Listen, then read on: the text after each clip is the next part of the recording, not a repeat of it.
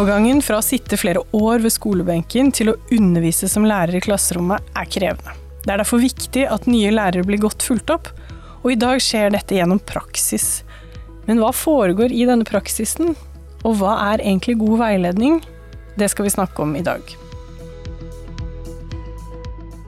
Gjester i studio i dag er Eli Leonberg, som er førsteamanuensis ved Institutt for lærerutdanning og skoleforskning. Hei. Hei.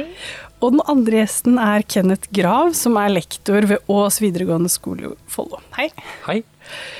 Eli, jeg må spørre deg aller først. Denne praksisen, hvor mye er det snakk om i løpet av utdanningen til lærere? Eh, ja, det varierer litt med hvor man tar eh, lærerutdanningen sin. Eh, lektorprogrammene har gjerne 100 dager. Eh, og så fordeles det på litt ulike måter, da. Og Kenneth, du er jo da eh, veileder i praksis. Kan du fortelle litt om dine erfaringer? Ja, altså jeg har uh, veiledet uh, lærerstudenter mest i deres fire ukers praksisperiode, men også i deres åtte ukers praksisperiode. Hovedinntrykket mitt er at disse lærerstudentene er, de er flinke, de er engasjerte, og det er mye de har lyst til å teste ut. Men jeg, som veileder så erfarer jeg også det at det, det, er litt ulike ting de ønsker hjelp med uh, i forbindelse med veiledning. Hvor kanskje noen studenter har veldig lyst til å få sånne konkrete tips og råd og forslag. Mens andre uh, studenter har veldig lyst til å prøve og feile, kanskje uten å diskutere sånn veldig mye med veilederne sine på forhånd, bortsett fra å bare bli enige om hva som er innafor å gjøre i en time, selvfølgelig. Men det er litt sånn litt personlighetsbetinget, så som veileder så er man ofte nødt til å være litt fleksibel og prøve å tilpasse veiledningen hver enkelt student. Mm. Og Eli, hvorfor er veiledning av lærerstudenter og nyutdannede lærere viktig? Altså, hva, hva er det som gjør at dere ønsker å forske og utvikle dette feltet? Ja, det er et Stort spørsmål. Stort spørsmål. Uh, ja, altså frafall fra læreryrket er et viktig argument for hvordan man burde drive med veiledning. Vi vet at, eller Statistisk sentralbyrå fant vel ut at én av fem uh, slutter i den tiden de er nyutdannede. Og så um, er det jo denne nye lærernormen knyttet til hvor mange elever en lærer kan ha, og nye kompetansekrav og sånn, gjør at en påstand vi har hørt over mange år om at vi går en kjempeunderdekning i møte, er eh, relevant i dag også. Eh, samtidig så er det minst like viktig, tenker jeg, å eh, bidra til at de som faktisk har tatt en lærerutdanning, og som ønsker å være lærere, forblir Eh, eller blir de beste lærerne de kan bli, på en måte. At de trives i yrket sitt, og at de kan utvikle seg som eh, lærere. Så hvorfor skal man drive med veiledning? Jo, både fordi at man kan hjelpe folk til å trives som lærere og bli dyktige lærere, og forbli eh, lærere, da. Mm. Og Kenneth, kan du fortelle litt sånn eksempler på hvilke type spørsmål du får fra studentene, eller hva er det de lurer på når du har veiledning med dem?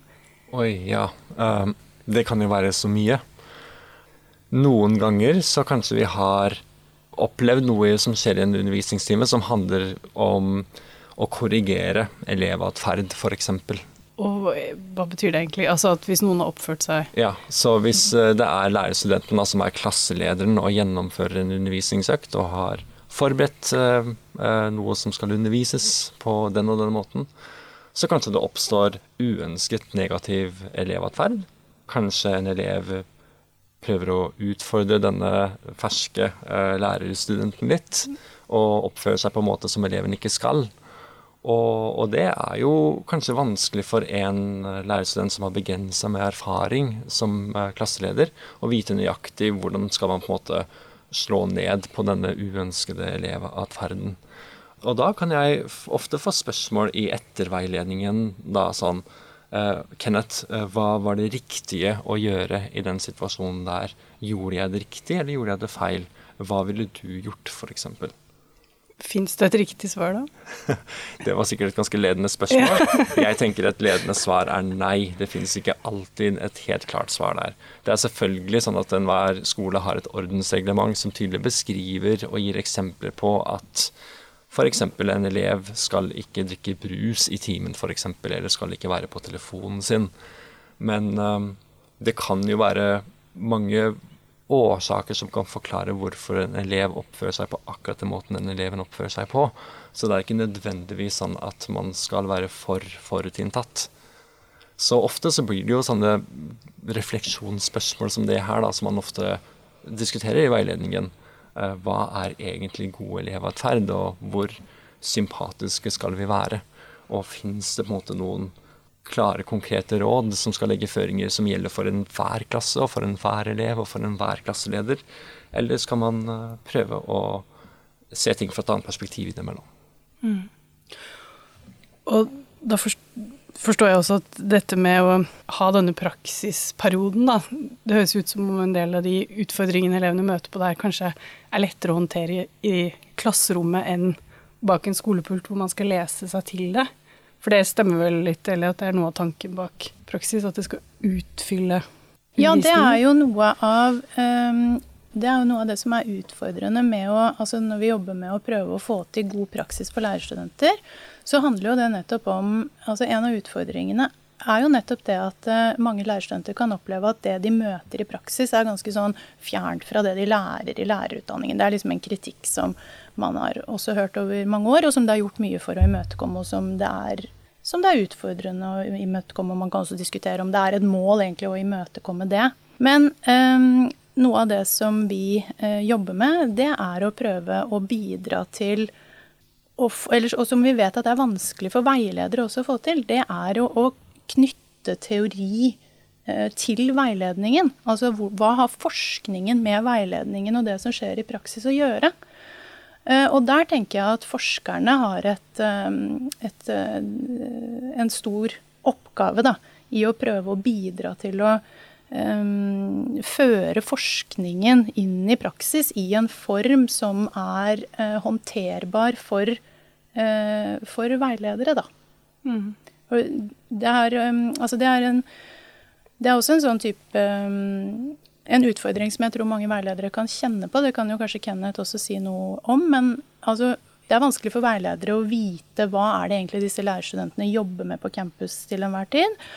Og hvordan kan jeg som veileder bruke det, eller knytte det som vi jobber med i praksis, til det som de driver med i lærerutdanningen. Det er ganske utfordrende for eh, veiledere, ser vi. Hører vi veiledere fortelle oss. Jeg jobber jo også i veilederutdanningen vår.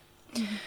Og det er liksom noe som er blitt litt sånn overlatt til veilederne, føler jeg. Selv om vi jobber med det i veilederutdanning, vi bevisstgjør på det, og vi liksom snakker om måter man kan trekke inn teori og forskning på, så er det liksom blitt litt sånn Det er nesten å anse som veilederens problem, eller sånn det får veilederne finne ut av. Mens eh, jeg også tenker at her, er, her må liksom forskerne komme på banen og prøve å gjøre noe for å bidra til å trekke relevant forskning inn i praksis, da. Mm. Kjenner du deg igjen i det, Kenneth? Ja, jeg kjenner meg definitivt igjen i dette, ja. og kan bekrefte uh, det Eli sier her. sånn. Um, at ofte så er det vi veiledere vi, altså, vi har jo en rolle hvor vi skal godkjenne studentene etter de ulike praksisperiodene. Og da har vi ofte et skjema som vi uh, forholder oss til, som handler om på en måte litt sånn Eh, hva skal jeg si, teoretiske eh, kriterier som eh, hvor god faglighet viser lærerstudenten, hvor god er studenten på klasseledelse, osv. osv. Men jeg erfarer det at vi er ganske overlatt til å vurdere det i en slags arbeidsnær kontekst. Er en veldig sånn praktisk kontekst. Det er ikke så ofte vi på eget initiativ prøver å sette oss inn i hva er det disse studentene lærer i lektorprogrammet ak akkurat nå, som vi gjerne kan støtte dem på når det gjelder eh, teori, da, for eksempel, eller forskning. Nå er det jo sånn at eh, i løpet av hvert fall åtte ukers praksis så skal vel lærerstudentene skrive en FoU-oppgave. Og Hva er det for noe? Skal vi se, nå tror jeg kanskje Eli kan si litt, forklare det litt bedre enn meg. Ja, ja det er en forsknings- og utviklings... Okay. Uh, forsknings- og utviklingsarbeid, eller FoU står for forsknings- og utviklingsarbeid. Ja. Så um, det er ett eksempel på hvordan man fra lærerutdanningens side forsøker å imøtekomme en sånn en så, altså prøver å imøtekomme studentenes behov for å Eh, se eh, praksis og teori i lys av hverandre, da. Ja, og der står det jo som en obligatorisk komponent at disse lærerstudentene skal jobbe med FoU-oppgaven sin i et av fagene de underviser mens de er i praksis. Men selv om veileder da skal samtale noe med studentene om den oppgaven, så er det veldig opp til hver enkelt veileder hvor mye man ønsker å gjøre ut av det. På mange måter så pleier i hvert fall jeg å prøve å legge til rette for at mine lærerstudenter får utforska det de ønsker å utforske i forbindelse med FoU-oppgaven mens de har praksis i mine klasser. Men det er jo fullstendig opp til eh, studenten selv å samle inn datagrunnlag og skrive selve oppgaven. Og her er det nok en del ulik praksis fra veileder til veileder, så det er nok, som Eli sier, at det er eh, ofte veldig opp til veilederen hvor mye veileder prøver å integrere teori og forskning inn i veiledningen da, av disse lærerstudentene. Mm. Og da blir vel da kvaliteten også veldig varierende, da, fra skole til skole eller fra klasserom til klasserom? Ja, mm. vi vet at eh, studentene våre opplever Og, og forskere har også funnet at man opplever, altså, det oppleves som noe tilfeldig da, hvor bra veiledningen du får er. Og um, studenter melder tilbake at de har vært heldige med veileder, de har vært heldige med skolen de kommer på, eller i mindre grad, da. Så det har også vært en utfordring å prøve å Eller for oss som forskere tenker jeg at det er en utfordring å prøve å bidra til kvalitet i veiledning. Også for å prøve å motvirke sånn, eh, et sånt problem, da. At noen er uheldige med praksisen sin. Mm. Mm. Eller det du sa i stad om at, at, man jobber nå med å prøve å bygge en bro da, mellom det som man lærer på skolebenken, og det som skjer i klasserommet sammen med Kenneth. Kan du fortelle litt om det prosjektet dere er i gang med? Ja, altså For det første så er det viktig å si at uh, dette er en tematikk som man har jobbet med i mange år, og at uh, man, dette har man vært bevisst på i lærerutdanningen og gjort mye. Og jeg tror at det oppleves helt annerledes i dag enn det gjorde for bare ti år siden. Så her er det mange før oss som har gjort uh, veldig gode grep, da. men i det prosjektet som vi jobber med nå, så forsøker vi å bringe teori og forskning til veiledningen i form av forskningsbaserte verktøy som veiledere som Kenneth kan ta i bruk uten at vi eh, forskere er eh, til stede. Og da prøver vi å Eller de verktøyene vi utvikler, de har da som mål å um, Altså de må være tilpasset den enkelte lærerstudent. Altså vi prøver å lage verktøy som gir informasjon om den enkelte student, basert på teori og som eh, gir føringer for hvordan eh, veiledning kan skje. Altså det genereres noe data som veileder kan bruke, og vi gir noen innspill til hvordan de dataene kan brukes og ligge til grunn for felles utforskning i veiledning. Og så um, vi også, bidrar vi også med konkrete verktøy for ja, både for refleksjon, men også for hvordan man kan jobbe strukturert som lærerstudent med å utvikle sin egen profesjonelle praksis sammen med veileder, da. Mm. Og Kenneth, du har deltatt og testet ut ja. noe av dette? Ja, jeg er en av de privilegerte som eh, ble spurt om jeg kunne få lov til å teste ut eh, denne piloteringen til Eli. Eh, veldig spennende. Um, så det jeg testa ut med den ene klassen min og to av mine lærerstudenter var um, et spørreskjema hvor uh, det var først uh, elevene som bestilte noen spørsmål om hvordan de opplevde, eller hvordan de ville rangere, kan du si, da, eller måle på en eller annen måte lærerstudentene sin ja, ulike aspekter ved dem, da, som mens de gjennomførte praksis, f.eks. hvor gode klasseledere var de? Hvor gode var de på å motivere og skape engasjement? I hvilken grad klarte de å vise omsorg for elevene og sånn. Og dette ble da elevene spurt om, og det ble generert litt data rundt det her. Og dette var umiddelbart ikke tilgjengelig, denne dataen her, for verken lærerstudent eller meg selv. Og så ble lærerstudenten stilt uh, lignende spørsmål, og som lærerstudenten måtte svare når det gjaldt uh, i hvilken grad opplever jeg at jeg klarer å engasjere uh, elevene være en god klasseleder, vise omsorg for dem osv. Og, og da ble også data generert. Og på et tidspunkt så ble eh, disse dataene visualisert i to ulike grafer. Hvor man kunne se både hvordan studenten på en måte rangerte seg selv på disse ulike punktene, og også hvordan elevene i akkurat den klassen rangerte um, lærerstudenten. Og det er veldig spennende da, å få dette visualisert, og, og, det kan trigge ganske mange interessante samtaler om hvorfor uh, ga du deg selv en score på bare det og det når det gjelder klasseledelse, når kanskje det viser seg at elevene ifølge denne dataen her uh, mener at du er en ganske god klasseleder, f.eks. Eh, men vi testa ikke ut den delen av piloteringen som på en måte inneholder konkrete råd eller tips til hvordan kan du jobbe med dette videre. Men vi tok mer utgangspunkt i en slags eh, veiledningssamtale, hvor vi hadde en veldig sånn reflekterende tilnærming da, til denne scoren eller disse visualiseringene og disse dataene. Mm. Og for eksempel, hva, altså snakket dere da om de samme spørsmålene som det hadde blitt stilt ja. til elevene og til lærerstudenten? Ja, altså dette piloteringsverktøyet som Eli har laga, inkluderte noen lister med mulige spørsmål som veiledere kan velge å stille eh, lærerstudenten når det gjaldt disse dataene. Så den ga ganske mange, gode, ganske mange gode tips til hvordan kan en, en sånn veiledningssamtale se ut, da, og hvordan kan vi diskutere disse dataene og disse grafene. Og vi diskuterte, eller jeg og lærerstudentene mine diskuterte da f.eks. dette med hvordan man kan vise omsorg overfor elevene. Så da tror jeg jeg stilte min lærerstudent spørsmål som f.eks.: Hva vil det egentlig si å vise omsorg for elever? Og hva slags arenaer fins hvor man kan vise omsorg for elever? For siden det å vise omsorg for elever var ett av punktene, så det, kan det være ganske verdifullt å utfordre lærerstudentene litt og få dem til å reflektere og tenke over spørsmålet fra litt ulike perspektiver, da, kanskje. Mm. Og dette er jo spørsmål som ikke nødvendigvis har noen sånn entydige svar. Så jeg syns det verktøyet var ganske interessant altså, og verdifullt når det gjelder det å, å, trene opp evnen til å belyse ulike temaer fra ulike perspektiver. Mm. Det er vel musikk i dine ører, eller? Eh, ja, det, det, er det jo. Altså, vi eh, de, Det verktøyet som eh, Kenneth refererer til nå, det er jo et av eh, mange verktøy. Men det er det første vi har pilotert nå. Dette prosjektet som det refererer til, går jo enda over to år frem i tid. Men det er de første vi, vi hadde, som vi hadde pilotering på nå.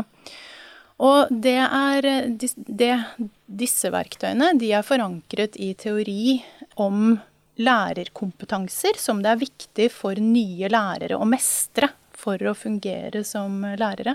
Så når Kenneth trekker frem f.eks. dette med å vise omsorg for elever, så er det en av syv dimensjoner da, som vi hadde med i det, i det verktøyet som lærerstudentene selv og elevene bruker for å gi respons da, på undervisningen. Det er veldig sånn praksisnært. da. Så har vi andre verktøy som handler mer om holdninger og verdier knyttet til, eh, til eh, læreryrket. Men dette er det praksisnære, som sagt. Og så har jo vi vært veldig opptatt av at selv om vi får elever til å da gi tilbakemeldinger, så har vi vært opptatt av å lage guiden, eller verktøyet som Kenneth og andre veiledere satt og brukte, utformet på en sånn måte at det skal fremme refleksjon allikevel.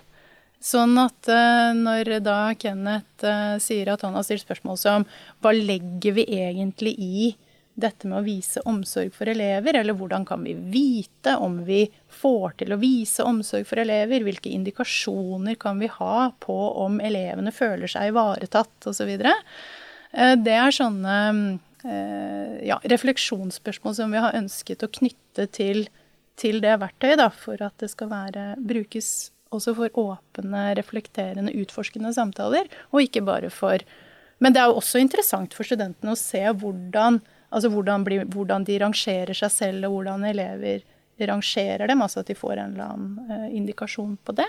Og så er det lærerstudentene selv som eier dette her, da, som eier disse dataene. Så elevene får ikke se dem? Eh, nei. nei. Så de, de, velger selv hvem de ønsker å, å dele det med. Ja, for det må jo være litt brutalt hvis man, motsatt av det du sa, da, Kenneth, hvis man har tre, opplevd at man hadde god mestring, og så viser elevresultatene eller dataene fra elevene at de mener det motsatte. da.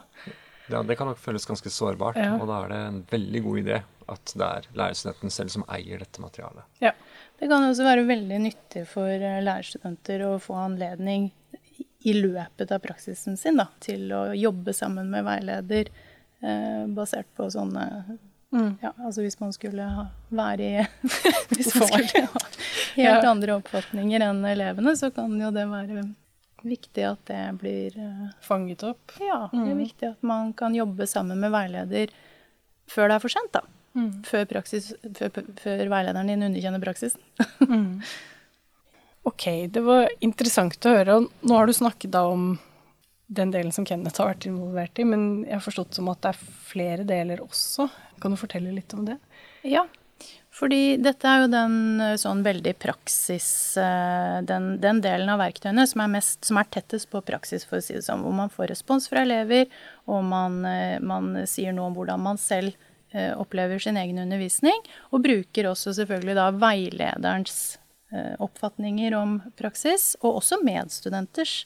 Det har vi ikke kommet inn på nå, men medstudentene skal også ha en rolle i dette. da. Men så har vi jo også verktøy som er eh, eh, forankret i teori om holdninger og verdier knyttet til læreryrket. Hvor vi lager da verktøy for å utforske holdninger man har knyttet til hva er god eh, klasseledelse eller ledelsesstil? Hvordan bør jeg være i klasserommet for å være en god lærer? Og eh, hvor vi da, altså basert på teori igjen, men da annen teori enn, de, enn i de andre verktøyene som vi var innom i stad, så ser vi altså i hvilken grad er man opptatt av å være en lærer som setter seg i respekt, og som har det stille i klasserommet, som har elever som hører etter og gjør alt du sier, for å, for å trekke det litt langt. Eller på den annen side, hvor opptatt er man av inkludering, medvirkning, kreativitet, eller liksom et eh, Hvis vi ser for oss et sånt eh, ør, yrende liv i klasserommet. Hva tenker man? Hvordan ønsker man å plassere seg i et sånt eh, spekter, da? Eh, hvor vi også da har verktøy for å, som kan si oss noe om den enkelte lærerstudents eh, preferanser i den sammenheng. Og det tenker vi også kan være nyttig for veiledere å bruke i veiledning for å utforske muligheter og utfordringer i, et sånt, eh, i en sånn sammenheng. Da. Kenneth, jeg lurer på om du som da er praksisveileder, eh, har det påvirket deg som lærer? Eh, Det har det definitivt gjort. Um, Jeg føler meg ganske privilegert som får, får lov til å veilede lærerstudenter. Og jeg tenker noen av måtene det har påvirket, påvirket meg veldig positivt på, er kanskje det at jeg er mye mer i et klasserom sammen med andre lærere, som de offisielt ikke er godkjent som lærere ennå. Så er det på mange måter en unntakstilstand. Veldig ofte så er det sånn at når du først er godkjent og blir ansatt som lærer, så er det stort sett deg selv som er i klasserommet med elevene. Og det er ingen andre kollegaer som er i klasserommet ditt, i hvert fall ikke veldig ofte. Selvfølgelig så kan ulike skoler drive med litt kollegaveiledning innimellom, eller vi har former som kan kalles skolevandring, hvor din nærmeste leder kommer innom og ser på enkelte ting ved din praksis som lærer.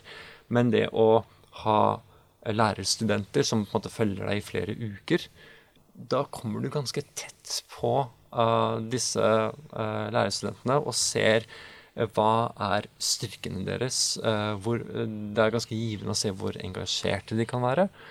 Og ofte så har du forhåpentligvis noe du kan hjelpe til med også, med å foreslå om hvordan de kanskje kan utvikle seg videre. Men jeg tror det er umulig å være en veileder som på en måte prøver å trigge mange refleksjoner uten at man selv begynner å reflektere over sin egen praksis. Så når jeg sitter ned med mine studenter og vi snakker om hva er egentlig god klasseledelse, hva vil det si å vi, vise et høyt faglig engasjement? Hva vil det si å vise omsorg? Så er, du blir nesten tvunget til å revurdere din egen praksis også, så du selv er med på denne refleksjonen.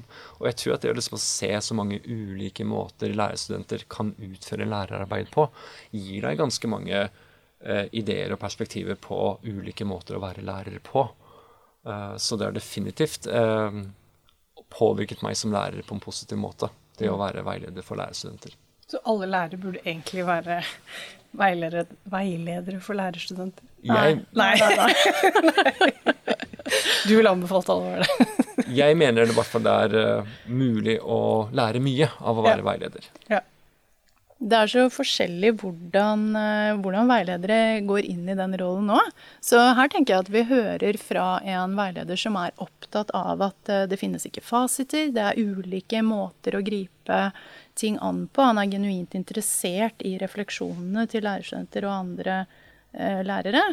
Og så er det jo ikke Så er det ikke sikkert Alle som hadde vært det. at alle, selv om, som Kenneth sa i stad, i mange situasjoner kan det være veldig fint å dele av sin egen erfaring og gi gode råd. Eh, men det er, eh, det er eh, mange måter å tenke om hvordan man skal gripe denne veilederrollen an på. Mm. Tusen takk for at dere kom og fortalte om deres erfaring og forskning. Mm, det var fint å ha dere her. Det var hyggelig å være her. Takk for at du inviterte oss. Ja, tusen takk.